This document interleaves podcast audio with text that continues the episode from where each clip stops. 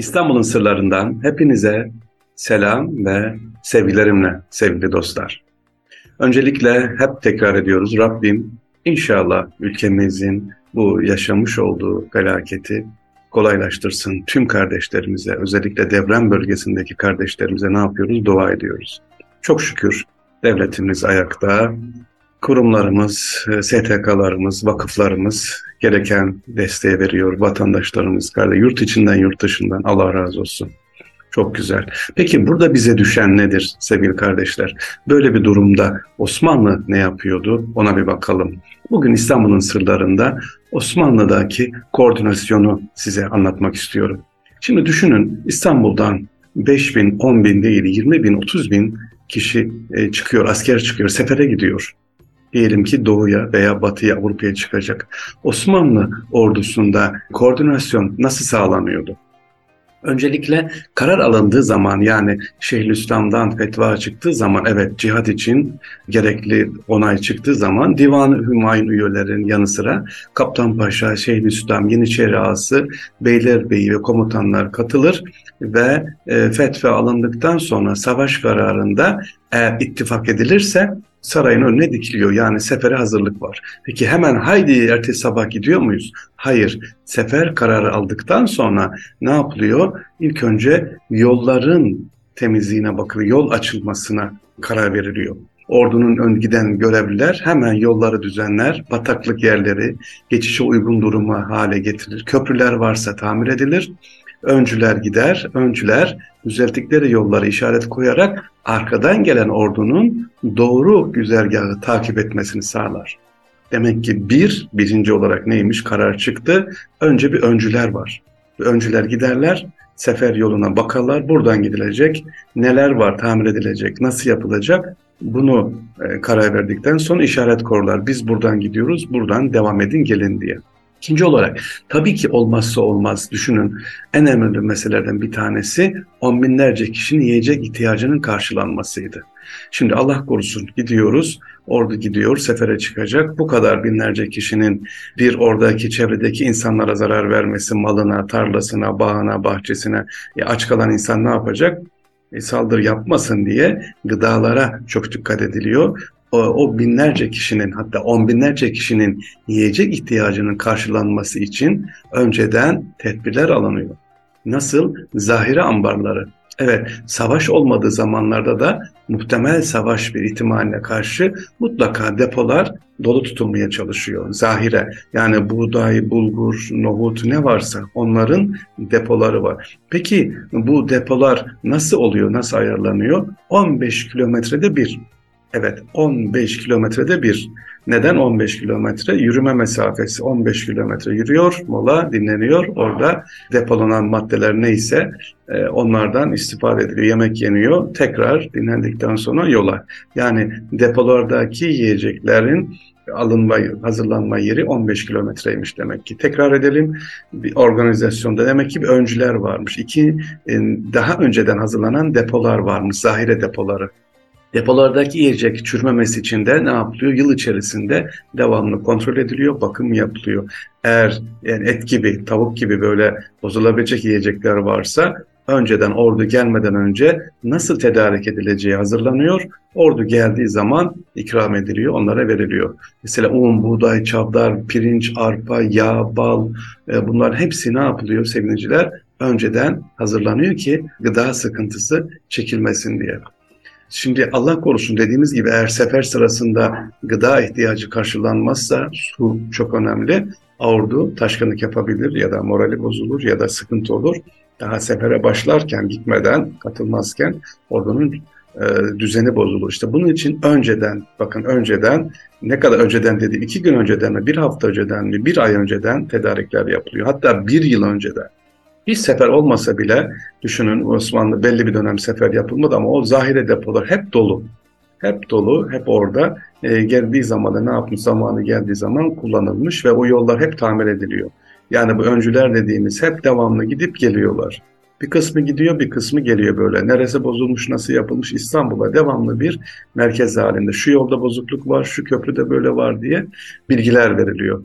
Ordunun içerisine mesela su e, sevineciler su Suyun temini çok önemli. Sakalar var, işte suyu satan getirenler bunlar var. Bunların da görevleri. Bunlar da ordudan da önce nerede su kaynakları var, e, sular nasıl orduya taşınacak tespit ediliyor, öyle gidiyor. Bir ordu İstanbul'dan kalktı, diyelim ki Viyana önlerine geldi, öyle e, uçağa binip de gelmiyorlar. Günlerce değil, aylarca yol var, gidiş var, geri. Bir de bunun dönüşü var aynı şekilde. Yani buradan neyi söylemek istiyorum ben günümüz 2023 yılında? Osmanlı koordinasyonu çok güzel yapıyordu, biliyordu. Ama kendi başına mı, padişah mı yapıyordu bunu? Hayır, ekipleri vardı zamanında yetiştirilmiş uzman ekipler. Bir sefer olduğu zaman hiç sıkıntı yok. Niye? Elemanlar belli, herkesin görevi belli. Herkes kendi işini yapıyor, herkes ne yapılması gerektiğini biliyor ona göre. Fakat zamanında yani dediğim gibi sefere çıkılacak. Hadi şimdi değil. Günler öncesinden zaten hazırlıklar yapılmış. Herkes görevini biliyor. Zahire depoları var. Yollar temizlenmiş, açılmış. Sular dediğimiz gibi yapılmış. Hepsi gitmiş. Ordunun yanında sevgiliciler bu koordinasyon içerisinde başka neler var gidecekler? Mesela hiç ummadığınız esnaflar da orduyla beraber gidiyor. Evet İstanbul'dan esnaf da gidiyor.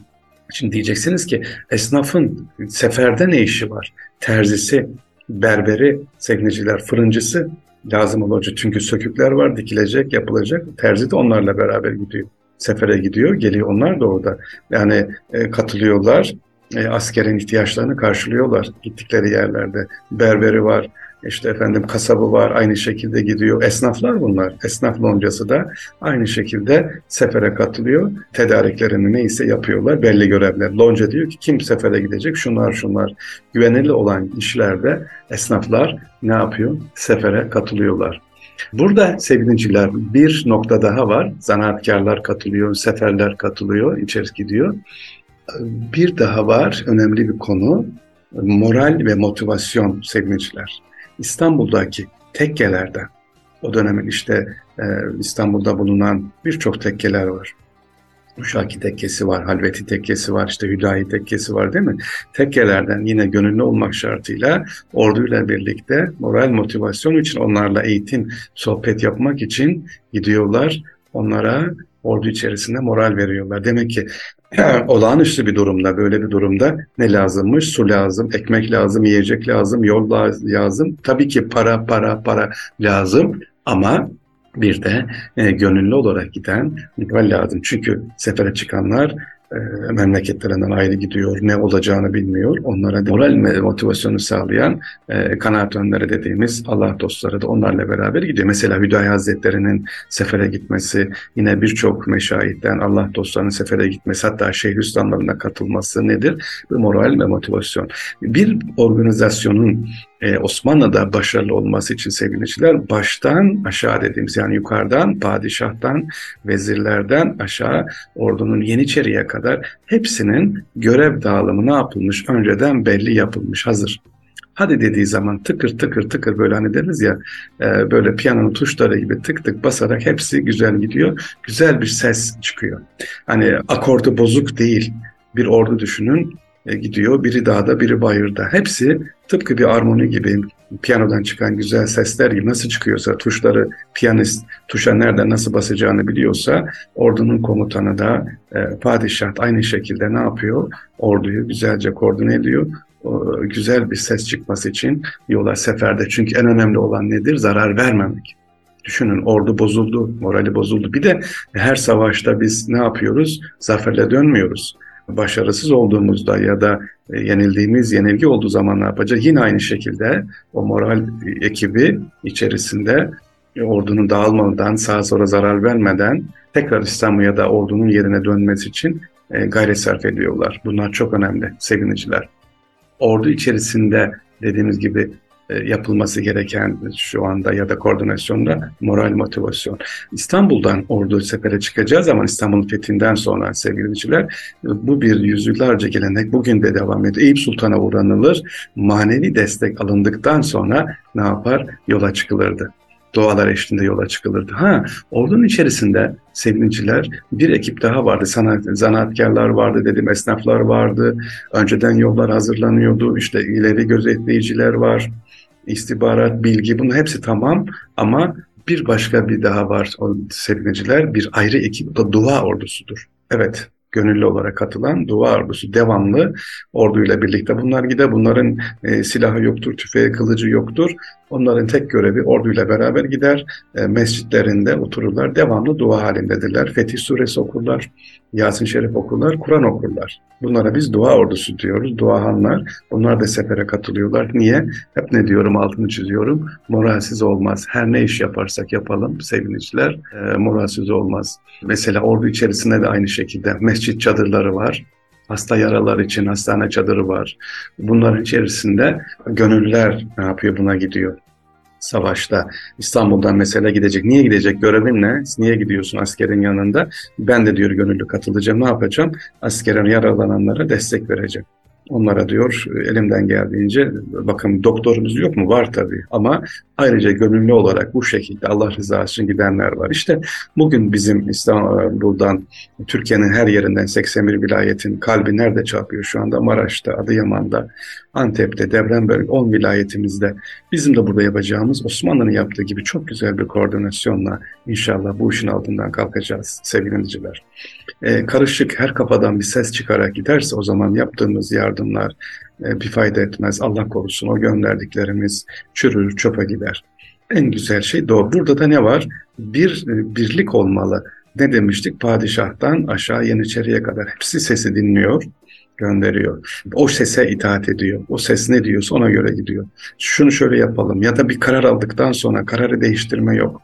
Bu yoldan gidilecek, bu yoldan, o yolda bozukluk varsa tamir edilecek, o köprü yapılacak, o yoldan sefere gidilecek. Öyle karar almış. Ya Edirne'den gitmeyelim de Kırklareli'nden gidelim. Bak burada böyle var. Hayır. Karar alınmış.